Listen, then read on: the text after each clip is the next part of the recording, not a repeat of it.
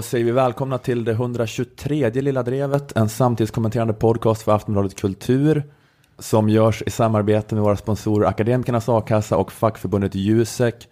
Jag heter Ola Söderholm, jag sitter med Moa Lundqvist, hej. Hej. Eh, Och med Jonathan Unge. God dag. Hej gubben. Ja, just det. Hur är det gubben? Ska skita i.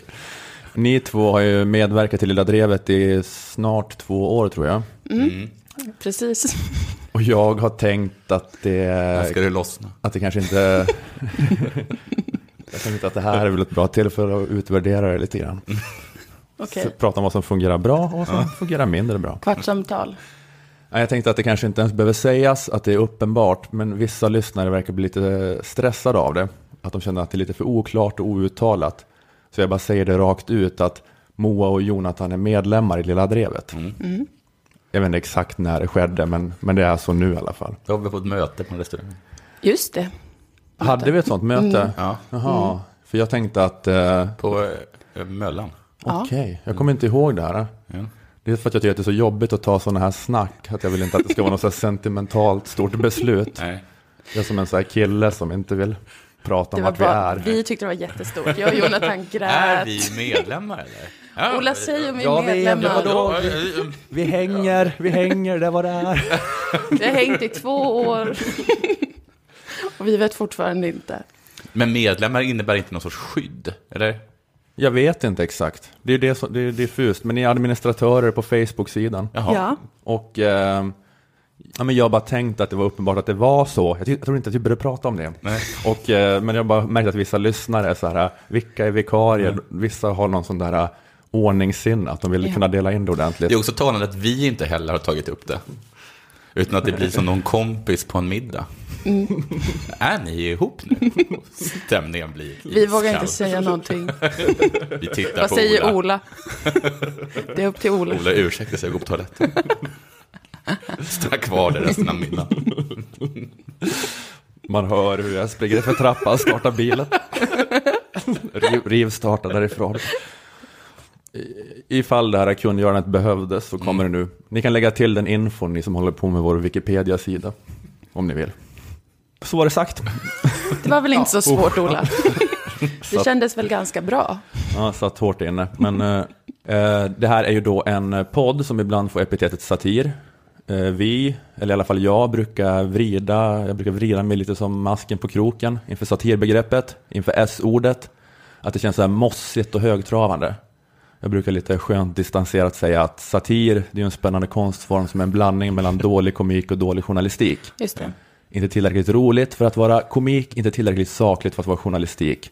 Bara något fegt, halvkvävt däremellan. Ja, det tycker jag är en vacker beskrivning. Men jag tror att jag kanske ändå brinner lite för satiren. För jag blev helt vansinnig häromdagen när jag såg SVTs Kulturnyheterna och hörde hur de använde satirbegreppet. Dammet har ju knappt lagt sig efter helgens amerikanska presidentkandidatsdebatt. Eh, och många menar att det är svårt att utse någon entydig, entydig vinnare i kampen mellan Clinton och Trump. Men vinnare är i alla fall satirikerna på nätet. Ett klipp som eh, skickats runt mycket det senaste dygnet, det vi ser här nu, är där presidentkandidaterna ser ut att sjunga en duett till musiken från filmen Dirty Dancing.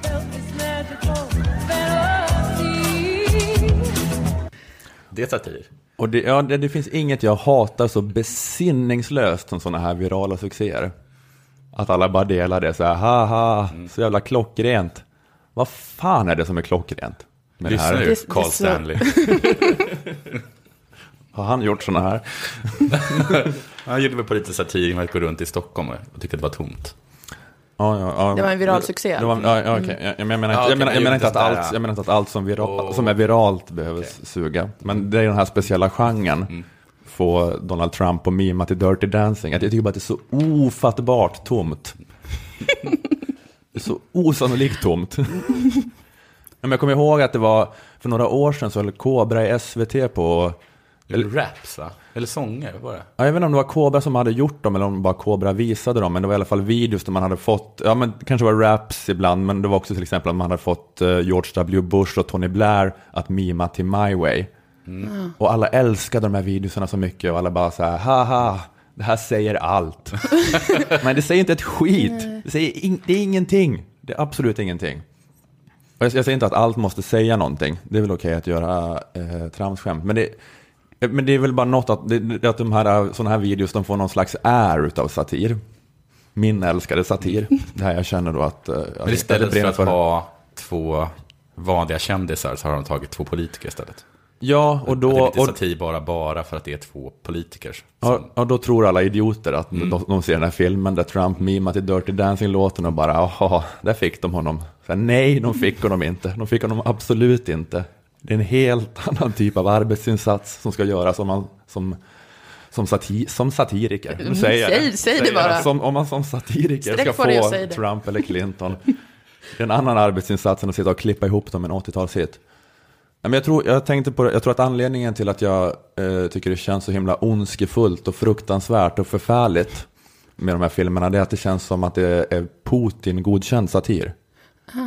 Eller hur? Det här är sån satir som en diktator godkänner om sig själv, för att visa hur skön han är. Det är sant. Alltså, för jag kommer ihåg att jag såg något reportage om det, om eh, någon så här illusion av satir som de håller på med i rysk tv. Där så här, Putin och Medvedev var knasiga dockor som dansade. typ. någon har sagt till Putin att vi måste ha någon sorts satir. Ja. Kan du tänka dig den här sortens satir? Och då, är det någon så här konstig docka med stort huvud liksom, som dansar till eh, någon rysk eurodisco. Eh, och det är väl bara de vibbarna, jag antar att det är anledningen. Att, eh, att när Trump eh, mimar till Dirty Dancing och det hyllas som satir, då känns det som en iskall hand kramar om mitt lilla hjärta. För det är som om det inte är någon skillnad på vår regim och, och Putin-Ryssland. Så det var bara det att jag satt och blev vansinnig framför kulturnyheterna häromdagen. Eh, skitsamma, vi, vi kör igång veckans avsnitt. Vi hoppas att det inte, att det inte ska bli så ofattbart tomt. Och I ett annat klipp så har deras första debatt klippts om till frågetävling. And Secretary Clinton, you're up first. You say hello to your crush at summer camp. Hi, Scott. Ja, det var ännu ett usch Ja, det där, det där. det första, det var ju lite roligt. Ja.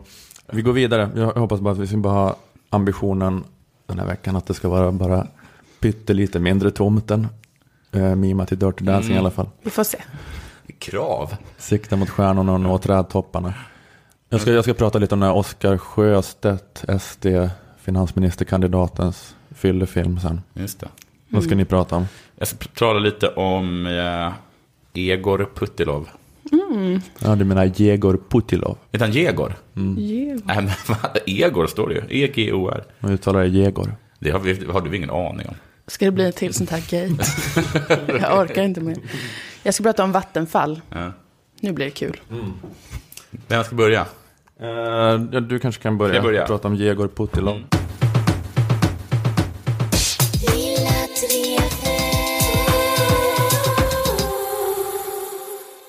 Jimmy I.E. Åkesson.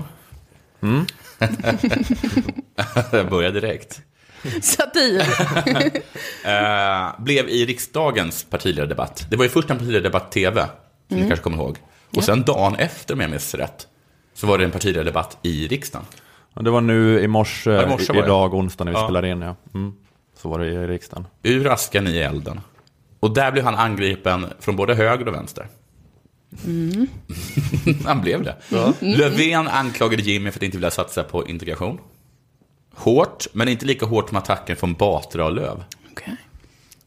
De anklagade honom nämligen för förräderi. Mhm. Och bakgrunden är fallet Egor Putilov. Eh, något Jimmy bara skrattar bort. Alltså, Äh, skratt.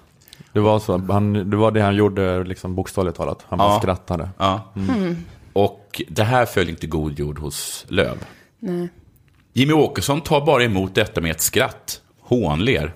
Kommer det sig? Varför är mönstret så tydligt? Svara nu, Hårt. sa Löv då. Vem är då denna Egor Putilov? Som det uttalas. Jo, Aftonbladet avslöjade för ett tag sedan att det fanns en anställd på SDs riksdagskansli som skrev debattartiklar och bland annat debatterade eh, med sig själv Okej. eh, i olika forum. Under namnet Tobias Lagerfeld skrev han att papperslösa bör få rösträtt. Precis, det där var ju väldigt speciellt. Och det var publicerat i Aftonbladet, den debattartikeln. Och, ja, så han gjorde, han- gjorde en parodi på motståndarsidan. Just det, och så hade han en pseudonym som heter Egor Puttilov, där han inte håller med om att papperslösa ska få rösträtt. Så himla kul han har haft. Ja. Hans riktiga namn är Alexander Fridback. Kanske, jag, vet inte om han heter Egor Puttilov eller inte. Han heter inte Egor Puttilov. Nej, han heter inte Nej. det. Han heter inte det. Men det stod i den lilla, lilla grejen jag kunde läsa om Egor Puttilov i Fokus om att han hade kommit till Sverige och bytt namn. Mm. Så han kanske hette något liknande Egor Puttilov innan. Eller har han heter, heter Alexander Fridback? Är han inte ryss, eller? Jo, Hur är det? jo. Ja, för jag har för mig att han har sagt... Egor Puttilov låter ju mer, mer ryskt, Än mer Alexander. påhittat ryskt än Alexander Fridback eh, låter. Ja, Ja. men jag, jag tror att han heter något annat ryskt från början. Och sen så, så har han skaffat sig ett eh, journalist-alias som är Jegor Putilov. Egor. Och vad heter det? Är Egor Puttilov ett, eh, det är ett ryskt namn. Det finns folk som heter Egor. Ja. Och det finns folk som heter Puttilov. Det tror jag. Ja. Det är kul i sig nästan. Jag håller med om att det är ett lustigt namn. Skämten skriver sig själva. ja, det är nästan för kul. Friback slash Egor Puttilov avslöjas också med att ha gjort suspekta fastighetsaffärer. Avslöjar Aftonbladet också. Han har köpt ett pris till underpris. Nej, han har köpt ett hus till underpris. Han har det. Ja. Så säljer han det och så, och så tjänar han direkt 6 miljoner kronor. Och det var någon rysk maffiagubbe som ägde huset. Exakt ja. Det var en rysk affärsman och enligt ryska medier så ska den här personen vara kriminell och ha kopplingar till ryska myndigheter. Så frågan som nu ställs är om han är köpt av Ryssland för att eh, desta- destabilisera Sverige. Han har avgått ska sägas. Men han har sagt att anklagelserna är grundlösa. Va, va- så hade han kopplingar till brottslighet eller hade han kopplingar till, till Putin? Där Ja, både och. Både det är och. det fina. Mm, okej. Ryssland behöver det, det ena inte utesluter det De andra. två orden är synonyma. Ja, det är. Så är SD i Putins ficka? Det är det man, det är det man frågar sig. Det är det man är rädd över. För i Sverige så har SD ställt sig emot Putin. Man har sagt saker som man måste vara hård mot Putin. Men det har de inte gjort i EU-parlamentet. Det här var en historia för några år sedan.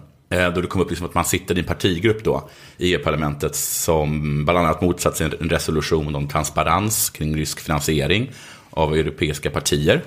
Att de har motsatt sig det. Ja, EU vill att man ska kunna kolla om eh, europeiska partier har, har fått eh, liksom, donationer av eh, Putin eller till sådana företag som är kopplade till Putin. Bland annat så ska liksom, vad heter Le Pens eh, parti, Nation- Nationella fronten, och så, här, nej, vad heter de? Front Front, National. Front National. De har fått 11 miljoner eh, kronor, eller vad det är för någonting, av, eller euro till och med, av någon liksom bank som är, Okej. står under Putin-kontroll. Och SD var emot den här transparensen. Ja, i, i EU var de i alla fall det. Ja, just det.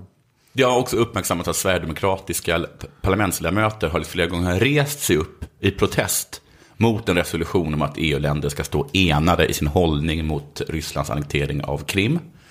Och De bara ställer sig upp. man ställer sig upp i protest flera gånger. Det är också för, den här resolutionen föreslog också även motgärder mot rysk propaganda och desinformation. Och att eh, EU liksom riktade kritik mot brott, mot brott mot mänskliga rättigheter i Ryssland.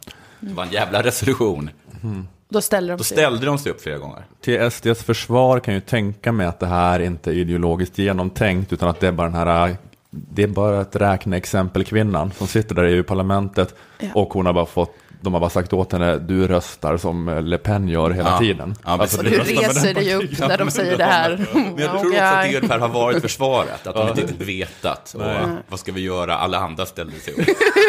Skulle vi sitta kvar där då? Min vän ställer sig. De har fått veta att jag är på samma lag som han med färgglad slips från Storbritannien. Som står och skriker på de luxemburgska gubbarna. De har, ringt, de har ringt till Sverigedemokraterna ibland och frågat vad gör vi om de ställer sig upp? Ja, då ställer ni er upp. Hej då. Det är viktiga saker för oss. Då ställer vi oss upp. Vi ska ställa oss upp. Ja, Eh, andra kopplingar mellan SD och Putin är att eh, eh, Sverigedemokratsvännen och vdn Carl Meurling, det har säkert du någon bättre uttal på. Jag tror säkert inte att han heter Carl Meurling. Murling. han heter Moirling. Jag röstar för Murling. Det var trevligare. Jag läste för Meurling. Han misstänks i alla fall ha kopplingar till Vladimir Putin och han har försökt påverka eh, SDs Rysslandspolitik. Samtidigt som han då ska ha diskuterat ekonomiskt stöd till partiets olika projekt. Sen har ju också Kent Ekeroth varit flitig gäst i eh, Russia. Today. Ja, men det är Många bäckar små. Det här stör inte mig. eh, Jag har inga problem med Sverigedemokraterna. inte, Nej. Okej. inga alls. Nej. Men detta stör mig som nationalist. Jag älskar Sverige, har jag alltid gjort.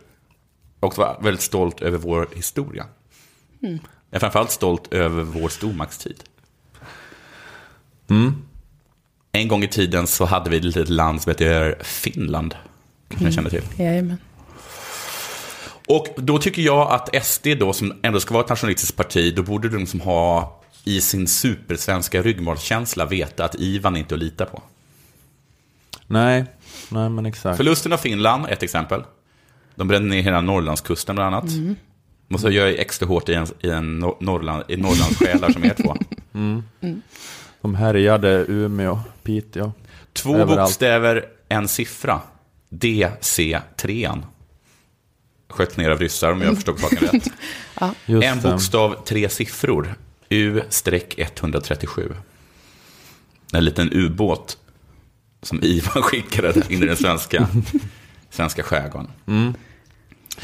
Det här är en skandal verkligen. Och det här är inte heller första gången ett parti i Sveriges riksdag avslöjas med att ha kopplingar till arvsfienden. Ni kanske minns ett litet parti med namnet VPK. Ja. K stod för kommunisterna. De strök sen K men jag är ledsen VP. Vissa av oss har lite bättre minnen än guldfisk. Ja. Men de var ju inte ens lurade in i det. Nej, Så att säga. De Det var var inget ju, mygel. Det Det var var ju- under bordet. det var ju liksom på, var ganska uttalat. uppe på bordet. Ja. Vilket gör det, Det- det- det här var- det- det- än mer eh, läskigt. Svenska vänsterpartiet är ju, lyckades ju liksom vara också unikt sämst bland alla vänsterpartier. Alltså bland, bland alla sina syskonpartier. Ja, de flesta så här, sa efter Ungern 56, Ja. okej, vi är inte Moskva-trogna längre. Så sa de i Norge och Danmark överallt. Men Okej. svenska VPK, nej, vi, vi kör på liksom Mm. den här linjen i några decennier till. Känns rätt. Vi fick ju champagne över det där. Eh, mig veterligen satte vi kommunisterna i interneringsläger under andra världskriget. För vi kunde inte lita på dem. Sant eller falskt? Sant. Jag vet inte. Och då var vi inte ens i krig med, eh, med Ryssland. Vi kunde bara inte ha en femte kolonnare bland oss. Nej, nej. Men vi är ju inte i krig nu, tänker kanske ni. Det känns ju konstigt öppna upp de här gamla lägena i Nor- Norrland och fylla dem med Sverigedemokrater. Men det är också det om Sverigedemokraterna vill vara att vi är old school-sossarna, att de vill appropriera det. Att Mm. vi är som sossarna var under någon så här påhittad guldålder Mm. i Sverige. Alltså då ingick det ju verkligen att ha rejäl kommunistparanoia. Just det. Och vara svinrädd för ryssarna Ja. och bara liksom övervaka Jan Guillou hela tiden. Och så det arvet bär de ju inte alls upp då. fall. Precis, men jag säger så här, kommunism, schmomipism, det är ju ryssarna vi är rädda för. Eller hur? Jo, jo. Visst. Även om, de har ändrat eh, tonen i pipan eller, eller i flöjten så betyder inte det, så gör inte det någon skillnad. Det var ju inte kommunisterna som brände den norrländska kusten, mig veterligen. Det var Nej. väl Ivan hans anhang. Och dessutom så är vi ju i krig, menar i alla fall Ygeman. Vi är ett psykologiskt krig. Han har ju begärt om, han har begärt om liksom extra mycket pengar från budgeten för att vi ska kunna stå emot det här ryska propagandakriget som förs mot oss. Ja, det är, f- det, är- de är- jag vet inte. De är för jävla obehagliga ryssarna. Alltså. Ja, det är de. Dmitrij Kisjulov, du uttalar säkert som du vill, Ola, är numera Putins propagandachef. Och 2013 så raljerade han i statlig rysk television om sexualmoralen i Sverige. Tidigt sex är norm från nio års ålder, men lyckligtvis har de erektionsproblem bland barn redan vid 12 års ålder. Nej, nu, nu får det du inte räcka. ta. Nu får det faktiskt räcka. När Jimmy och, och Ja, sätt in JAS-planen nu. när Varför Jimmy, är de inte redan i luften? så när Jimmy och Kent tar emot pengar med högerhanden, då hänger er slaka lilla svenska kuk i vänsterhanden. Bara så att ni vet det. Sorgligt. De skrattar åt era, åt era mjuka, mjuka penisar. Ja. Det här är bara ord säger vissa, men ord gör ju också ont. Ja, det är sant. Så ska vi ta det här? Det tycker absolut inte jag. Nu talar jag till alla riktiga svenskar i Sverigedemokraterna. Ut med de här uh, ryssälskarna. Öppna upp lägren i norr. Spånar jag bara. Ja, En förrädare är en förrädare är en förrädare. Så är det. Förstår du? Okej. Ja, men jag tror bara att de är liksom, eh, jag tror att de är för dumma för att fatta att de blir manipulerade. Det är Ah, det jag ja. tänker händer hela tiden. Okej. Att, eh, jag vet inte, alltså de är så jävla listiga ryssarna alltså. Sådana listiga jävlar. Ja. Det var någon eh, journalist som, är det okej att vara rasistisk mot ryssar? Det är så här, jag vet inte riktigt. Jag vet inte man, man, heller. man, man får ju vara rasistisk kanske mot tyskar och engelsmän och så. Jag brukar prata om att jag Frans- är anglofob, fransmän. det är bara lite kul. Ja, det, Ja, jag gillar engelsmän. Ja, men, men ryssar, Jag gillar inte ryssar. nej. nej, men det är fortfarande oklart om det, om det är okej. Ja, men de, de, jag tycker att de känns så läskiga ryssarna för att de är dels är de så här obehagliga vilda horder, Ja. men de är också samtidigt listigare än oss. Ja. Är inte det att de är både mer Judar. ociviliserade och listigare? Ja, men det är det som är så läskigt med dem, precis som du säger. Det är lilla Alltså, deras det är- officiella hållning. Att, det är som är barbarer med en plan. Ja, de har, alltså de, de håller på, och, och det, man vet inte, vad är det ni vill ens nu? Ni har ingen ideologi. Nej. Alltså förr, kommunismen, då är ändå en idé åtminstone. Och nu är det bara att, det är bara någon konstig, det är, sådär, det är bara ett jävla reality-tv-program med Putin i huvudrollen. Och, det, och ni bara håller på så jävla mycket. Det senaste var det här om att, eh, om att Ryssland, att det var spritt i ryska medier om att finnar går in över gränsen, eh, kidnappar eh, ryska barn och sen sätter dem på statliga eh, finska barnhem och sen säljer dem utomlands. Oj. Vad är ens tanken bakom den lögnen? Förutom bara att allmänhet styr liksom, eh, skapa, skapa Skapa kaos. Skapa- skapa de, de är kaos. som Jokern i Batman nu, det är deras roll i världspolitiken. Så att jag vill bara liksom förstöra. Men hur ett svenskt nationalistiskt parti kan ha något att göra med Putin, Ja. det kan jag inte fatta. Men jag tror- Som all, hur kan de, de kan väl bara tänka tillbaka till sin barndom, där vi satt och tittade på den, på, den, liksom, på den nordiska kartan och grät över förlusten av Finland. Liksom. Vi har, som, alla, som alla svenska barn. Kurland och Livland. Ja. Ja. hur kan man då gå från att vara, hur kan det Jimmy Åkesson-barnet plötsligt nu torka de tårarna? Och med samma hand ta emot pengar från, från Ivan. Ja, jag, jag, jag kan tänka mig att de är för så dumma och naiva som inte fattar vad de håller på med. Nej. För att alltså, de, de är så, så listiga och ihärdiga ryssarna. Så de, Nej, men jag, jag läste en, eh, en eh, krönika i Svenska Dagbladet som en av deras journalister hade skrivit om eh, när hon blev uppvaktad av Russia Today. Att, eh, att de bara blev bjuden på någon sån invigningsfest eller något de hade. De, de var, hon var stationerad i Berlin så fick de komma på en fest. Och de har bara, av någon anledning så har de då så här horder utav jättesnygga killar och tjejer i 28-årsåldern som då pratar perfekt tyska och så här bara flörtar med en hela kvällen, ger champagne och rysk kaviar. Och sen så kommer det så här dagen efter jobberbjudande med så här dubbelt så bra betalt som du har idag när du skriver för Nice. svenska tidningar. Kan inte du bara börja jobba för oss? Och, ja, de, de håller bara på och lirkar sig in överallt. Och man vet inte vad de vill, men de är bara, de är bara bäst på det. Och de har väl så- också sådana här bara Twitterkrigare som de har på sina Ja. lönelistor. Att folk bara går in i Twitter-diskussioner och håller på med Kreml-linjen. Vad fan nu den ens är, Nej. men de bara skapar kaos. Det är där jävla tricksters. Vad håller på för att hålla det påandets skull. Men det är också så sjukt att svenska partier är så, är så lätt manipulerade bara man bjuder dem på något att dricka. För så var det som med Det är så sorgligt. också. Det är så sorgligt med Sverige att alla blir så lyckliga över en, en gratis lunch. Alltså, att det liksom går att göra vad som helst. Är det så att, liksom, att Systembolaget och våra höga äh, vet du, äh, alkoholskatter har gjort att vilket land som helst i hela världen kan få ett svenskt parti i sin ficka? Jag tror. Bara genom att bjuda dem på jättemycket Du får ett glas vin och då bara, God damn it, det är det bästa jag varit med om. Aldrig känt mig så sedd och omvårdad tidigare. Om, om jag vill ha till glas vin? Ja, jo, oj, jag trodde bara att det var, att det var ett till maten. Men det, jag förstod inte, jag förstod inte att man kunde... Men här står det en flaska. Och det var så att de, att de körde över hela äh, Vänsterpartiets ledning till, till Ryssland. Och sen så var det, det, enda som, det enda de gjorde var att bjuda dem på champagne och vodka. Ja. Och sen, de, de tror inte ens att de drog upp några riktlinjer. Och så De sa inga ord. Nej. Och De sen, bara tog in sen- champagne. efteråt ibland så kom det ett brev om allt ni behöver göra. Att förneka att vi är i Ungern. En bild på en champagneflaska för att väcka minnet till liv. Och tydligen så funkar det då lika bra med Sverigedemokraterna. Ja, Ja, Systembolagets fel. De, ja, Vi måste börja tillåta gårdsförsäljning. Annars, annars kommer vi liksom inte ha, annars kommer vi inte ha något parti vi kan lita på. Det är ett problem. Det är ett problem med Du kan bjuda mig, kan jag säga. Du kan bjuda mig på hur mycket champagne du vill. Jag kommer aldrig glömma vad som hände. Du är lojal mot ditt land. Jag vet hur ni tog våra pojkar och släpade dem till Sibirien. Liksom.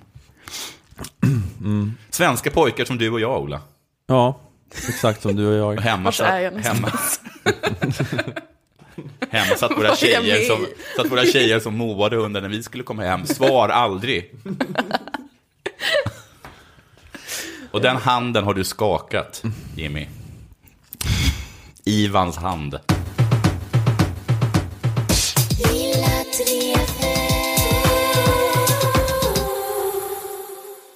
Okej, vi har kommit fram till den delen av Lilla Drevet där vi berättar om våra sponsorer, Akademikernas A-kassa och fackförbundet Jusek. Man går ju med i a-kassan och facket eh, mycket för att försäkra sin inkomst. Eh, Akademikernas a-kassa är grundförsäkringen eh, och den ger dig då upp till 20 000 kronor i månaden om du skulle befinna dig mellan jobb. Och det hörs ju på namnet då att det här är a-kassan för akademiker. Ja. Akademiker det är ju sådana som har värsta utbildningen. Kanske värsta feta juristutbildningen, samhällsvetarutbildningen, ekonomutbildningen, kommunikatörutbildningen eller HR-utbildningen eller IT-utbildningen. HR-utbildningen. HR, HR. jag är med. Jag är med. Jag trodde det omfattade Det betyder- frisörer också. Jag blev... Det betyder human resources el- eller human relations. Just det. Jag sa fel en gång och alla hade jätteroligt åt det. Jag sa en av dem men det var den andra. Och sen fick jag... Eh, blev, Åh, jag blev näthatad. Jag var där, det var hilarious. Men ni märkte kanske här att jag bara räknade upp branscher som organiseras av Jusek. Ja. Att vara med i Jusek, att vara med i Jusek ger en eh, då kraftigt förbättrad inkomstförsäkring. Taket är 80 000 kronor. Så du får alltså, Eh, säg det där en gång till. du får 80% av lönen upp till 80 000 kronor. Men hur mycket tjänar man då om man, får, om man har... Om, 80 000. Ja, Man kan få 64 000 maximalt i arbetslöshetsersättning. wow.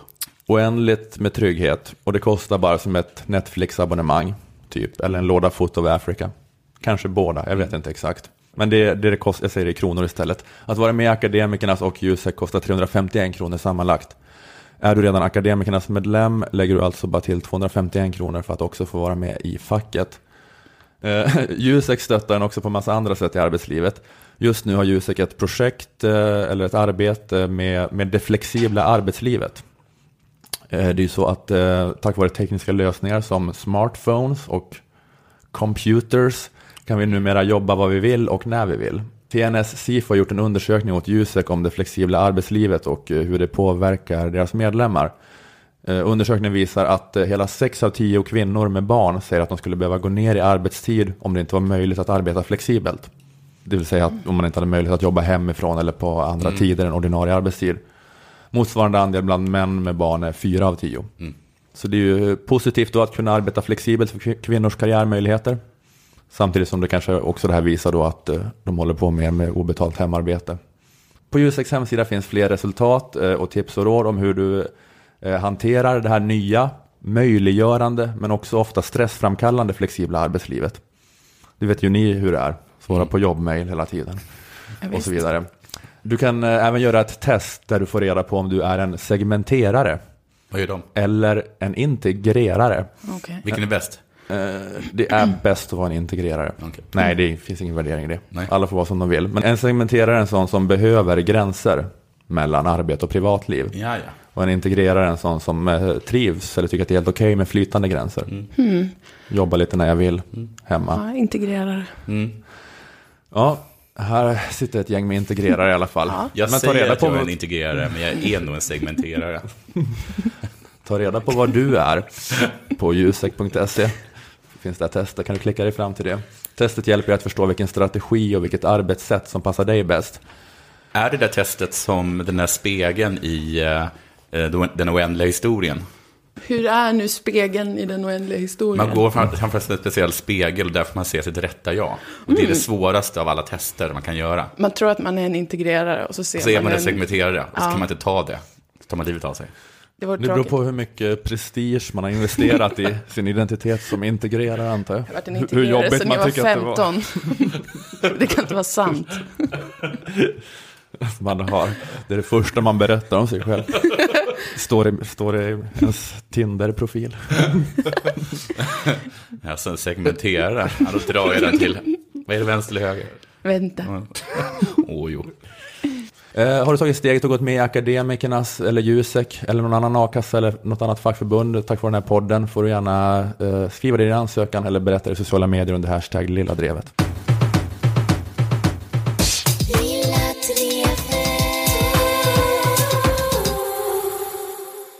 Vad förvånad jag blev eh, i måndags när en stor skopad demokrati slängdes i mitt ansikte. Okej, Jag, vänta jag måste komma på något. Fick du,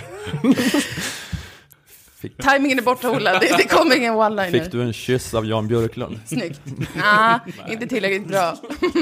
Jag hade lagt upp det för er. Jag hade önskat att ni var lite Nu kvickare. jävlar ska du få en Den stor hade varit- skopa demokrati. Rakt på munnen.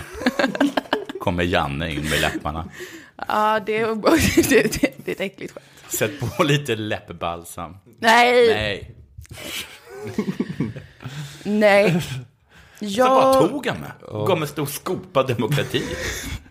Det hade, det hade krävts att det var, man var snabb. Ja, Ja, att ni var mer skämtet, one-liners. skämtet var så svagt så att det krävde snabbhet. okej. Ja. jag satt hemma i måndags då och slösurfade på Vattenfall ABs hemsida. Och plötsligt så såg jag att förhandlingarna mellan Vattenfall och den tyska staten skulle livestreamas. Direkt alltså från internationella skiljedomstolen i Washington. Nej, Fan vad coolt. Vad, rör det detta kärnkraftverken? Ja, precis. Eh, Vattenfall, alla måste ju veta vad det är, men det är vårt statligt ägda energibolag. Kända för att nämnas i samma mening som orden nedskrivning och Ja. mådsfel. Just det. Vattenfall har stämt tyska staten eh, eftersom att Angela Merkel av eh, okänd anledning fick PTSD av kärnkraftsolyckan i Fukushima och bestämde att de skulle stänga ner exakt alla kärnkraftverk innan Millions of people have lost weight with personalized plans from Noom, like Evan, who can't stand salads and still lost 50 pounds. Salads, generally, for most people, are the easy button, right? For me, that wasn't an option. I never really was a salad guy. That's just not who I am. But Noom worked for me. Get your personalized plan today at Noom.com. Real Noom user compensated to provide their story. In four weeks, the typical Noom user can expect to lose one to two pounds per week. Individual results may vary. eller till 2022. Processen då startades för att Vattenfall hade tänkt att få jätte, jättemycket pengar på sina kärnkraftverk i Tyskland och sen kan de ju inte få det och de har ju investerat för att de är oerhört ledsna över detta. Eh, så att processen har pågått i många år men belagts med sekretess, stora delar av den. Så döm av min förvåning Ja. när det var live, livestreaming. Okej, så Vattenfall är bara vansinniga för att eh, tyska staten har blåst dem på deras kärnkraftsintäkter. Precis. Det har varit mycket sekretess som sagt, men eftersom att jag i Lilla Drevet har kritiserat hemlighållande, investeringsskyddsmekanismer, frihandelsavtal TTIP, eh, så har det globala samfundet beslutat alltså att livestreama de muntliga förhandlingarna nu för att försöka få mig att sluta slänga de här vassa ung vänster-singersarna åt deras håll. Det värmer för mig att bli sedd och jag är glad att eh, jag kan ha bidragit ännu mer till samhället egentligen. Till eh, att, eh, precis, till, ökad transparens. till ökad transparens. För de orkar inte höra en gång till hur taskig jag kan vara. när jag verkligen är syrlig. Så då Ja, sa de bara, all den- kolla här då. Men då känns det lite som att de har gjort en ny taktik nu. Att de har så här, om det här du vill ha, då får du. Precis. Och så tror de att jag ska vara tyst. De tror att jag ska sitta hemma och kolla på livestreamen åtta timmar per dag i två veckor, vilket jag absolut kommer göra. Men det räcker inte för mig. det är, står ju mycket på spel, you guys. Man är nervös. Pengar står på spel. Otroliga summor. Vem sida är du på i den här skiljedoms... Vattenfall självklart, Ja. Jonathan. Jag är ju svensk, Ja, är eller hur? Och det är mitt företag. Ja, Jag är delägare genom staten, som vi tillhör. Det är som kronjuvelerna, de äger vi också. Kronjuvelerna. Eh, Men de som förlorar rättegången, eller det det kallas förhandlingarna, Mm. eh, de kommer kanske behöva betala för rättegångskostnaderna. Och det kan bli runt 100-200 miljoner kronor. Så för mig personligen är det Jävlar, viktigt att liksom, oh, vinn nu, era jävla sophoror, känner jag till Vattenfall. Är det för att de kör över tyska advokater och svenska advokater till Washington? Så ska de Precis. bo och arbeta där? och Jobba? Precis, och det är flera år, det har pågått tror jag sedan Äta. 2012 och det är mycket som ska skrivas och läsas och det är en jävla business. Men, och, men 102 miljoner är också i uttryckt i det här då måttet nuon. Så är det, precis. då är det 0,01 nuon. Och, och jobbigt att gå igenom alla de kvittona. Åh, fy fan. En macka på Starbucks. Så tungt jobb. Men det som pågår just nu är att Vattenfall vill ha ungefär 5,7 miljarder euro av Tyskland. Det känner de är den korrekta summan. Jag vet inte exakt hur de har räknat för att jag somnade när de berättade om hur det hade gått till. Det var för tråkigt, helt enkelt. Det kan vara så att de har malt ner tusen lappar, lagt i en te- tekopp, hällt över grönt te, sen uppdagar sig en siffra och det är 5,7 miljarder euro. Eller hur nu Vattenfall räknar. Men det här är en sån här summa som tyskarna skrattar åt. De skrattar högt. Och en naturlig invändning här hade varit att det är dumt av Tyskland att inte vilja betala ett enda öre. För om de bara hade sagt så här, åh nej vad tråkigt det här måste varit för er, ni får en miljon kronor. Så hade Vattenfall bara, Okej. yes! En miljon kronor! Nu kan vi förvärva ett nytt energibolag, kanske. Skämtet här är ju då att ingen på Vattenfall kan matte. Nej. De vet inte skillnad på miljoner och miljarder. Nej, just Och det är det. inte heller bara ett skämt, utan sant historiskt sett. det är bara tre nollor, säger det tyska staten. Och vad är noll värt? Noll. Eh, Så det hade de kunnat göra om de inte ville ha en sån här stämning. Men det visste inte de, för de känner inte Vattenfall som vi känner Vattenfall. Det är ju vårt företag. Tyskland hade ingen aning om det. Förhandlingarna sänds ju nu då för allmänheten. Man måste kolla på det live, eh, för det går inte att få tag på i efterhand. Det är någon slags eh, eh, policy. Jag har mejlat och frågat Vattenfalls pressavdelning. Sen det på liksom att de håller på att jävlas med det sänds på konstiga tider. När det sänds ganska bra tid, det började vi ungefär, jag tror att det var halv åtta på kvällen, sen Okej. pågår det väl en motsvarande en arbetsdag då, åtta timmar ungefär. Men det är transparent.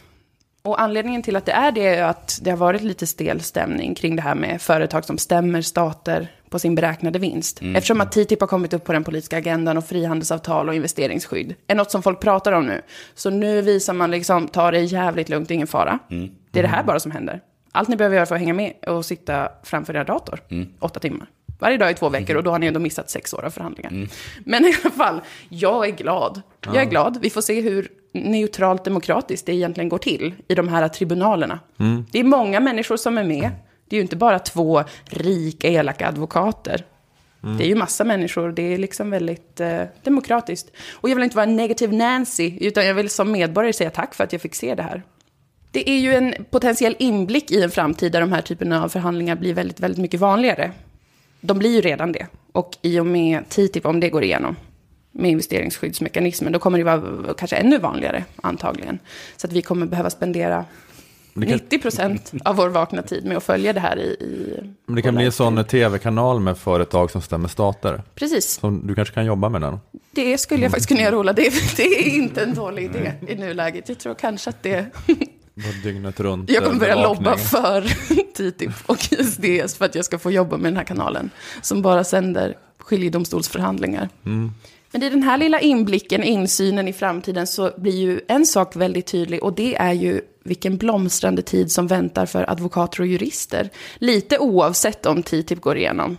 Liksom mer a- bara allmänt att det är en riktigt god tid. De har haft det svårt, det har de inte. de har inte haft det svårt. Men nu får de det bättre. Så mycket jobb som väntar. Kommer TTIP gå igenom? Eh, Det är oklart i nuläget. Ja, För nu har Hillary vänt. Hillary alla hatar fall. det. Trump hatar det. Så om de inte får igenom det nu, imorgon, så kommer det inte gå igenom. Nej, jag vet inte. Hillary var tvungen att säga det för att besegra Bernie. Ja. Hon kanske gillar det innerst inne. Ja, det tror jag lite i alla fall. Men vi, vi får liksom se vilken livgivande situation det skapas av den här typen av förhandlingar. Så mycket jobb för advokater och jurister. Och så får vi också se lite vems lön vi kommer få betala. För det är ju det är våra pengar då som går till de här förhandlingarna. Dyra, och då vill man ju också få ut det mesta av det. Du räcker upp handen, Jonathan. Ja, sker alla de här i Washington? Nej, det finns också en skiljedomstol i Stockholm. Stockholms, tror jag, handelskammare har en Internationell sån? Oj, De hanterar näst mest case efter då Världsbanken som är den i Washington. wow. Tror jag, slänger jag in, för jag orkar inte dubbelkolla det. Men så är det säkert, bra. Blir du så här glad som, som när det går bra för Skarsgård i Hollywood? Ja, Sätter Sverige stolt. på kartan. Efter att Billy Skarsgård fått, fått rollen som, som så i, i nya It, så är det här bästa nyheten jag hört på länge. Ja, det går jättebra för oss. Firman som, advokatfirman som Vattenfall har anlitat heter Swartling Mannheimer. Och det är ju en av Sveriges mest nobla advokatfirmor, helt klart. Med i Washington är ett tajt gäng. Där minst en man bär en guldkedja som hänger från bröstfickan till en annan ficka i sin vackra väst. Och den mannen är Kai Hobert. Han har ju varit då delägare i Swartling Mannheimer i 20 år och nu är han också ordförande vid Stockholms Handelskammares skiljedomsinstitut. Han är jävligt duktig va? Det är inte konstigt att Vattenfall har, har valt honom och ett litet gäng med andra killar som är otroligt bra på detta. De representerar vårt egnaste företag i den här stora prestigefyllda förhandlingen. Det egnaste av våra företag. som är allra mest vårt eget. Swartling Mannheimer. Hade inte hört deras namn förut, men nu har jag fått höra det. Och de är en det. stark och stor advokatfirma. Ja, men du är från Stockholm, så du har säkert druckit öl med dem på Stureplan, eller vad det nu är ni gör i Stockholm. Advokater och vanligt folk som umgås, som att det inte är något konstigt. Precis som alla advokatfirmor så har Swartling Mannheimer, de är neutrala, objektiva. Mm. Det måste ju en advokatfirma vara. De litar endast på obestridliga fakta och inget annat. Nej. En slide i deras powerpoint hette Seven Undeniable Facts. Ja, Det slängde de bara i ansiktet på Tyskland och Tyskland bara, psyk. De är födda ur ingenting och när de dör så blir de ett finkornigt diamantgrus. Och av den anledningen så kan de inte påverkas av politik eller PMS eller något annat äckligt. Nej. Som vanliga pöbeln håller på och köttar runt med varenda jävla dag. Det är därför det också kan bli så himla neutralt och lugnt när de är med. Swartling Mannheimer har också på ett neutralt sätt startat en grupp tillsammans med några andra advokatfirmor och eh, Shell faktiskt och Ashema, vad fan de heter, företaget som stämde Slovakien två gånger för att Slovakien ville förbjuda vinster i välfärden. Shell, Ashema, Swartling Mannheimer och några till advokatfirmor har gått ihop en liten gräsrotsrörelse som lobbar för TTIP och ISDS. Jaha. Väldigt starkt. Där, där, du ser att de vill, de är som Putin. Eller, fast de vet vad de vill. De vet vad de vill. Ja. De smyger inte heller, Nej. för det här är inte olagligt eller Nej. liksom hemskt egentligen. Om man tycker att det är bra. De vill ha att det neutralitet är bra. Men de vill ha det för att det, är så him, det kommer bli så himla mycket Det kommer bli så mycket jobb, Jonathan och Mm. Ola. Fy fan vad mycket jobb det kommer. Man kommer gå in i väggen varenda en av dem. Behöva åka på spa i 365 dagar för att överhuvudtaget orka läsa mer. E-fila heter den organisationen och det går ganska så jättebra faktiskt med lobbyismen. Det går jättebra för E-fila. Dåligt namn bara är min enda invändning. Att det, det ligger inte bra i munnen. E-fila. Men går det inte lite dåligt eh, ändå med att driva igenom de här avtalen? Jo, det, där möter de en viss motgång. Men redan som det är så finns det ganska många fall att jobba med i många år. Ja, ja. För mycket pengar. Så det, är- det är spännande att få inblick i detta. För det var också så att först så räknade Vattenfall med att de hade fått förluster på omkring 10 miljarder kronor. Eh, för att, eh, Lappri. för att det, de, de la ner de här två eh, kärnkraftverken, Kryml och något mer. De räknade med en förlust på 10 miljarder kronor och sen så råkade den ju öka med 40 miljarder, den det. beräkningen. Ingen vet varför, Nej. men det kanske har att göra med att Swartling Mannheimer kom in och ställde sig mitt emot var och en i Vattenfall och bara skrek 10 miljarder. Ni har ingen självkänsla, ni tror inte på er själva. Nej.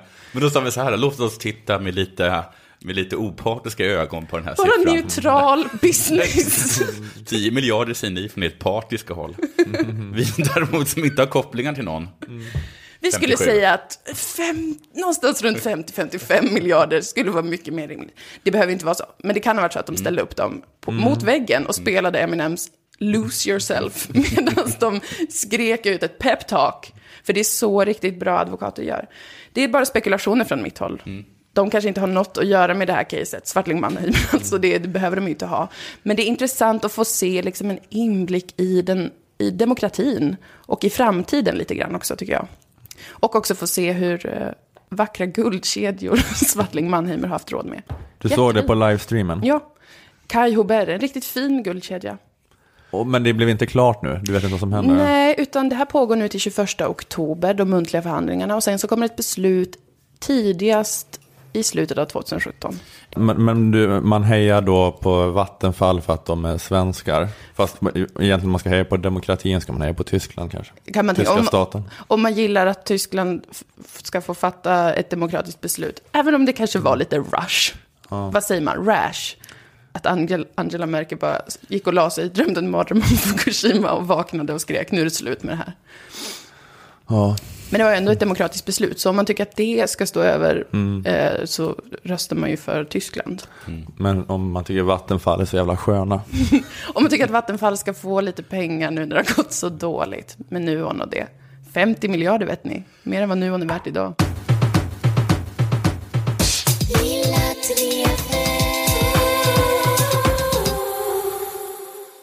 Det var eh, partiledardebatt i Agenda i söndags. Det var eh, attacker på Sverigedemokraternas ledare Jimmy Åkesson. Eh, Kristdemokraternas Ebba Busch Thor förklarade att hon inte vill samarbeta med SD. Jag kan inte se framför mig att jag ska sätta mig ner med en person som Kent Ekeroth som har sprungit runt med järnrör på stan, Anna Hagvall som nu senast ville begränsa Bonniers ägarinflytande därför att det är för många judar i koncernen eller Oskar Sjöstedt som skrattar åt skämt att man har sparkat på får som om de vore judar. Mm. Jag tror inte att du behöver sätta dig ner med dem förvisso. Eh, och för det andra så är det är ju inte så. Det, jag tycker det är otroligt tråkigt att vi hamnar här igen. Dålig comeback. Ja. Det, är kul, det tog så lång tid för Jimmy Åkesson att finna sig. Att hon sa det där och så var han tyst i typ tio sekunder. Men det var väl första, den första meningen var väldigt dålig. Men du behöver inte sitta med dem. Sitta med mig. Och... Och sen kom han på, ja det är, det, det är, är, så är det ju inte. det är inte så. är det ju inte. Det alla, var alla gånger Kent Ekeroth varit inte rasistisk och det varit trickfilmat och så vidare. Jag vet inte om det är effekten Ebba Busch Thor har på en. Vilken? Att man genast gillar Jimmy, eller då? När hon bara tittar på en och han bara fastnar i den så bara, mm. Att du kunde se snygg? Men vänta, vad sa hon? Aha. Mm. ja, okej, det var ofräscht sagt. Ja, Ja, det var lite otrevligt. ja det var det. Det är förbjudet i det här landet får att förstå uppsk- Jimmy. uppskatta vackra damer. Not on my watch. Jag hade också blivit perplex om jag stod framför Ebba. Säger Jävla Ola. grabbsnack. Det är, det är lite omklädningsrumssnack här. Ja, Eh, jo, men jag tycker bara att vi kan uppe, upp, jo, men jag tycker bara att vi kan uppehålla oss vid, vid de här två färska SD-skandalerna som Ebba Busch Thor nämnde. Eh, den ena är det här då att SD-riksdagsledamoten Anna Hagvall lagt en riksdagsmotion med en eh, miljard bisarra faktafel dels. Men motionens uppsåt var att begränsa judarna på Bonniers mediedominans. Bland annat med motiveringen att ingen etnisk grupp ska få kontrollera mer än 5% av media. Natch, natch, säger jag. Hård men rättvis. Ingen etisk grupp. jag, vet, det kan bli, jag vet inte om hon räknar svenskar som en etnisk grupp. Tror jag inte. Men hon kanske blinkar lite åt Schibsted. Ja, att det är norrmän. Ja. ja just det. Du kanske skrattar nu Ola, men när du inser att judarna äger hälften av alla medier i Sverige och resten är norrmän, då kanske också du ska bli lite upprörd. Ja, men jag vet inte ifall, ifall om, eh, om svenskar räknas som en etnisk grupp. För det skulle bli svårt att tänka. Ja. Svårt system att få på plats om vi ska ha 20 olika etniska grupper som kontrollerar 5% var av media. Så, somalierna, de får Dala-Demokraten, Mix Megapol, Clara Henrys YouTube-konto. Bosnierna får eh, norra Västerbotten. Ja, men eh, hon eh, gjorde det här i alla fall. Eh, Hagvall la den motionen. Hon har inte behövt avgå. Det är som är, Sverigedemokraterna. Rasister, foliehattar. En jävla hjärndöd jävla apflock. Eller hur? Det där vet jag inte håller med om. Men att de har tungan upp i Ivans röv, det kan jag skriva under på. Jag kände bara lite efter att jag hade läst den här Vox-artikeln som vi, eller ni var inte med om, men vi pratade om den för ett par avsnitt sedan. Eh, Men där det kom fram att alla som röstar på SD och SD-liknande partier, det är inte alls att de är så ekonomiskt utsatta eller att de är Nej. globaliseringens förlorare. De har det ganska gött ekonomiskt. Det är bara att de tycker det är så jävla obehagligt med alla som är annorlunda. Precis. Så efter det kände jag att nu kan jag släppa det här med vi måste förstå, vi måste lyssna, vi måste- måste, känna in, vi måste lyssna på den besvikna arbetarklassen. Utan nu är det bara så här, jävla pack. Och jävla pack, jag berättar om, berätta om någonting som är annorlunda. Ivan. Jävligt annorlunda. Nu känner jag bara så här att jag, jag sitter här och jobbar med media i någon storstad och jag, jag vet att jag är bättre än er. jag är bättre än er. För ni, ni har inte rätt att ha en röst, för ni är liksom, jag måste berätta vad som är rätt och fel för er. Okej. Kör. Kör i vind. Äckliga, äckliga, äckliga, fula white trash. Gör världen en tjänst och tar livet av er. Och nej, någon måste försvara Ja, men jag känner bara tillbaka, jag är bara tillbaka i den peppen nu. Jag känner att det är 2013 igen. Det är bara, Fritt fram. det är bara det är helt det där okomplicerade fuck SD. Äh, så där kan man inte säga. Folk som du kallar för white trash, de har massa olika sorters eh, åsikter och tankar och sånt som du inte kan känna in i. Men du Det finns ser, bara en enda folkgrupp man kan dra över, över en kam. Och det är Ivan och hans anhängare. De vet vi exakt vad de håller på med. Och vad de håller på med är att skapa kaos. men i alla fall det här, det här andra som eh, Busch Thor tar upp då, eh, det var det här. Oskar Sjöstedt som skrattar åt skämt att man har sparkat på får som om de vore judar. Eh, Hon pratar om Oskar Sjöstedt, Sverigedemokraternas eh, ekonomisk-politiska talesperson. Vår nästa finansminister kanske. Eh, sajten Inte Rasist Men eh, publicerade en video från en fest. Ni kanske har sett den här videon? Ja. Jo. Det var fulla SD-are då på den här festen och den ska ha ägt rum 2012. Eh, På videon ser och hör man hur Oskar Sjöstedt skrattar när han berättar en anekdot om när han jobbade på ett slakteri på Island. Att han där hade kollegor som var tyska nazister. Han säger i klippet citat, vi hade fyra tyskar som jobbade på slakteriet. De var typ nazister så de fick inte vara i Tyskland. När de var fulla på fest gick de runt och heilade eh, skratt. Sen berättar han eh, om vad som hände när ett eh, av de döda fåren som hängde i kedjor i taket på slakteriet när ett, ett sånt får trillade ner på golvet. När de är på golvet då kan vi inte använda det liksom, då är det förverkat så. Och då vi inte bara ta bort och slänga det. Men de lär ligga kvar. Så så här, om någonting är fel, om de blir arga, det är inte fram och sparka på det. Jorden. De tyska gubbarna gick fram och sparkade på de döda fåren och sa de juden. Ja. Eh, och den här filmen skapar mycket upprördhet. Eh, citat, det är en film på järnrörsnivå, så grov och äcklig att man faktiskt inte tror att man ser eller hör rätt, skriver Johan Hilton i Dagens Nyheter. Fredrik Virtanen, Anders Lindberg, Björn Wiman, Amanda Björkman eh, skrev liknande krönikor. Säkert fler än dem, men det är de jag har sett. Eh, och jag måste säga att jag på ett sätt eh, inte förstår den här upprördheten över den här filmen. Nej, ja. Där man ser fulla killar garva, garva och tokiga nazister. Och jag blir lite provocerad att man klumpar ihop den här fyllefilmen med Hagvalls helt sinnessjuka motion om att begränsa judars mediemakt. Att de två sakerna nämndes i samma andetag av Thor och av, av alla skribenterna jag nämnde här eh, tidigare och också av eh, Annie Lööf eh, i samma partiledardebatt. Det är inte ett vanligt parti om man har, i partiets yttersta ledning har personer med antisemitiska åsikter och som skrattar åt nazistiska företeelser. Det är inte ett vanligt parti om man i den yttersta ledningen har personer med antisemitiska åsikter och personer som skrattar åt nazistiska företeelser. Hur är de två sakerna samma? Menar Annie Lööf att år 1940 begick Adolf Hitler och Charlie Chaplin lika stora brott mot mänskligheten? Hitler genom sina antisemitiska åsikter, sin politik och Chaplin genom att göra den här filmen Diktatorn där han skrattade åt nazistiska företeelser. Va?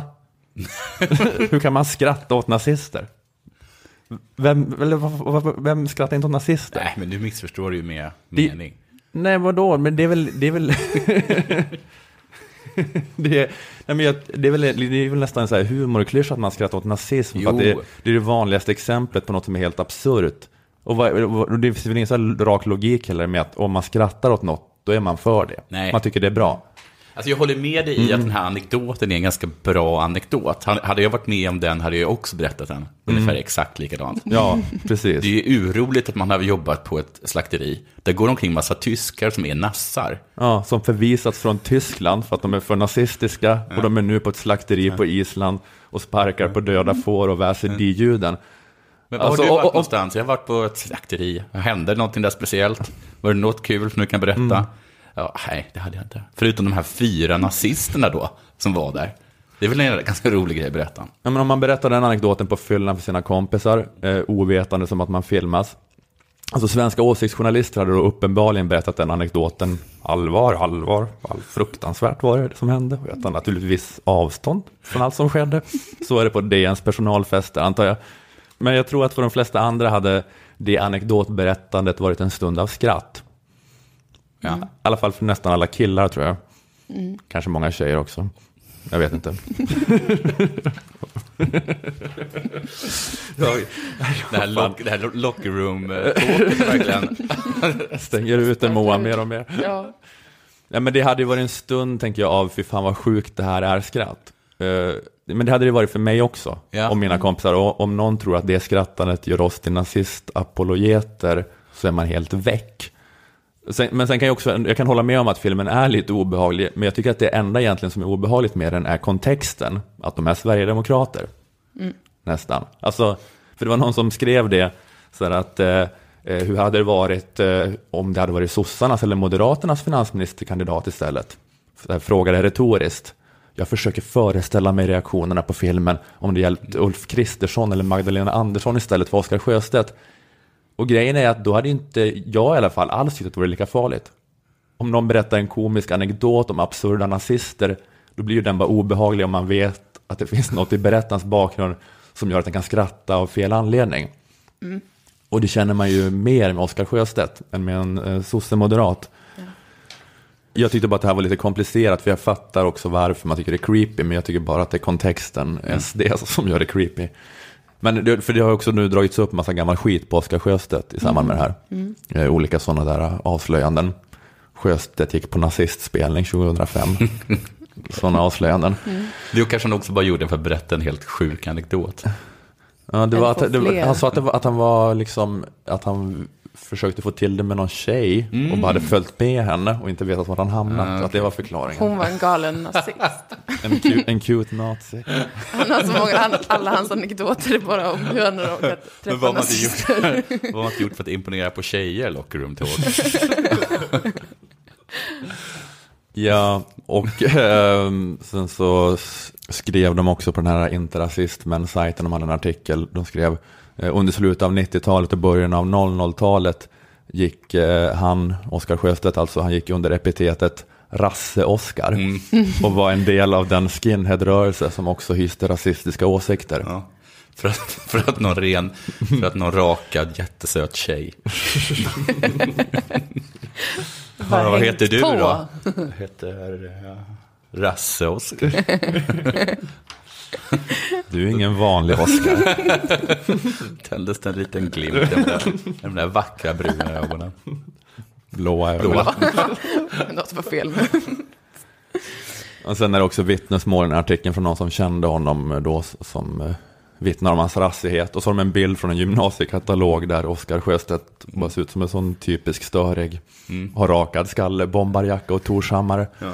Så han tillhörde någon Men vem som... sitter precis i raden under? Det är ju Emelie va? Eh, men jag... eh, Men jag tänkte på en sak angående SD när det gäller det här, eh, alltså just vilken subkultur man förknippade SD med om man växte upp på 90-talet och början av 00-talet. Eh, För när någon påtalar för Jimmy Åkesson att du gick ju med 1994 i ett eh, typ nasseparti, då är han alltid så här bara va? Va? Det stämmer inte, det är inte sant, jag fattar inte alls vad du menar. Eh, Och det handlar såklart om att han dummar sig delvis. Men jag tror att, att det kanske ändå finns något genuint i det. Att han lite tror på sig själv. Mm. För jag tror att det är lite annorlunda stämning när det gäller SD och deras bakgrund i skånska och blekingska hålor.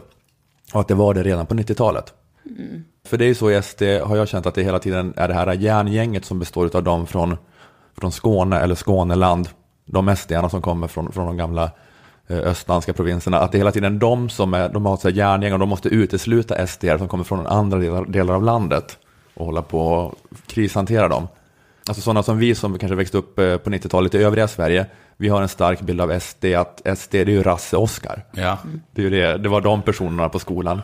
Det var de på skolan som höll på med den subkulturen, eh, subkulturen längst åt höger.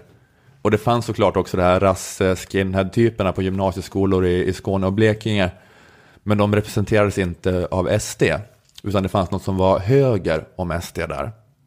Och SD var där redan på den tiden, det här mera moderata rassalternativet. På gymnasieskolor i Sölvesborg och på sådana ställen så var det på, så på 90-talet att SD var inte bomberjacka och skinheadrassar utan det var eh, lillgamla killar i kostymrassar. Så Jimmy hade, han hade en portfölj som skolväska. Små glasögon. Mm. Så därför är Jimmy, alltså, tror jag, han är genuint lite i otakt med den allmänna bilden av SDs 90-tal. Och det är också därför, tänker jag, som det blir lite slitningar inom SD. För att människor i, i Skåneland och i övriga landet har gått in i partiet med olika ingångsvärden. Okej, så att andra SD kanske liksom blinkar åt, åt Jimmy. Ja. Och så förstår inte han. Han bara, det där var på allvar. Vad menar du? Snyggt Jimmy. Snyggt. Vadå? Vadå? Ja, men att, de i, att de i Skåneland alltså, genuint har tänkt Jörg Haider nästan Mm. från början. Sätter framför sig, vi är ett sånt, ska bli ett kontinentalt neofascistiskt parti. Men medan de i, i övriga landet har mer varit sådana bara sådana där, alltså, rediga stockholmska huliganfascister. Att de är så bara, öh, Rasse-Oskar. Jag är Rasse-Oskar, det betyder att jag ska vara med i SD. Här kommer Rasse-Oskar. De Och, och Jimmy, Jimmy och Rickard Jomshof bara, de bara, nej vad håller du på med? Det här, det, det, här, det här är ju SD och Rasse-Oskar, ja precis, det är SD. Nu kör vi! Tända facklor, ut på stan, leta upp lite babbar. Djurgården! Men det måste ha blivit så himla knäppt då när de skulle på den där, den här jättelika eh, konferensen de skulle ha. Eller vad det var för den här festivalen. Nu? Jag har, Jimmy säger att jag har bokat Boppers. Va? Jag har bokat Ultima Thule. Nej, Boppers. Och sen efteråt så ska vi ha en så här tombola där man kan vinna lite grejer. Så quiz i parken. Ja men alltså nu Sen har det öl va? Nu, Nej. ja, men nu har ju alla tvingats såklart gå in i det här kostymmodet för länge sedan. Men att, jag tror när de gick med från början att, att det, det finns något i de här skånska, blekingska hållen att de var lite i kostymmode redan från början. Ja. Men det var så här huliganrass-grejen i övriga landet. Eller för det har ju varit, alltså, om man tittar på vad som har hänt, att den här sydsvenska falangen, de har ju uteslutit Erik Almqvist. Mm. De har uteslutit hela Göteborgsfalangen, Patrik En och så, de var, blev, var för tokigt naziga. Eh, Hela SDU har de uteslutit. Ja. Gustav Kasselstrand, Östergötland, William Hane, också Stockholm. Va? Att jag, ja, men jag tror att det har något där, att det finns en kulturkrock som bottnar i att, i att SD i resten av landet på 90-talet så var det typ den yttersta högen, men att det inte ansågs vara det på samma vis i Sydsverige. Ja, men ligger det inte något i det? Att SD som inte är sydsvenskar, de har med den här auran av att stå och hålla i en fackla och bara så här, skalla någon. Asfull. Jo. Det stämmer nog. Okej.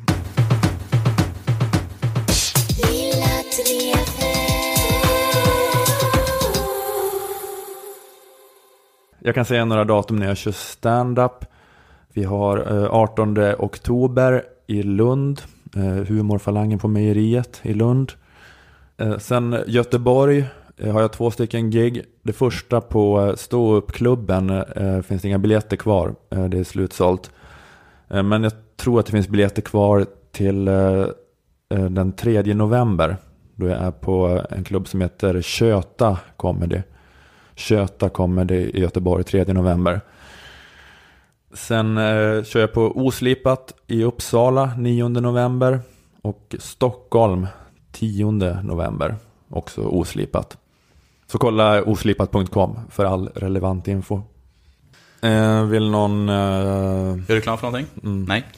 Jag och Dilan kommer till Norrköping och Örebro den här helgen. Och sen Stockholm nästa vecka. Och sen Berlin. Just det, det är en stor gala förresten, på Della Sport Just eh, det. Grande. Nästa onsdag. Nästa onsdag, eller tisdag. Ja, i Stockholm då. Den 19. Där dyker vi upp alla tre. Ja. Va, Ska ni gigga i Berlin? Ja, precis. Vi ska göra vår föreställning Det nya tråkiga i Gud vad Berlin. ni är internationella. Jag Jag var i vet. Amsterdam bara för någon vecka sedan. Jajamän. Pretty, Jesus pretty Christ. cool. Så Mm. då, det får man köpa biljetter till på dilanandmoa.se. Va? Ja, vi har en hemsida. köper den på Nej, er man hemsida? klickar sig vidare sen, men det behöver vi väl inte tala om. Allt finns på hemsidan. Det är imponerande att ni har en hemsida. I know. Det är faktiskt imponerande. Okej, men då ehm, säger vi tack till Aftonbladets Kultur, tack till Akademikernas A-kassa och fackförbundet Jusek. Jag heter Ola Söderholm, ni heter Moa Lundqvist, Jonathan Unge. Vi hörs igen om en vecka. Hej då! Hej då!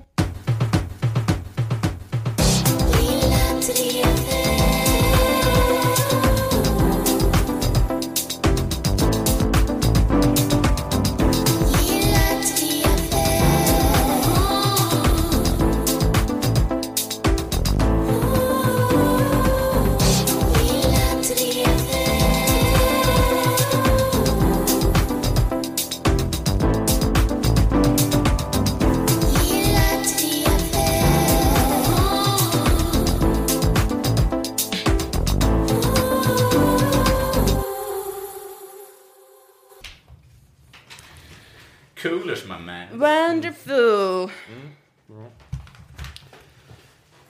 Ska någon av er till underjordet då? Nej.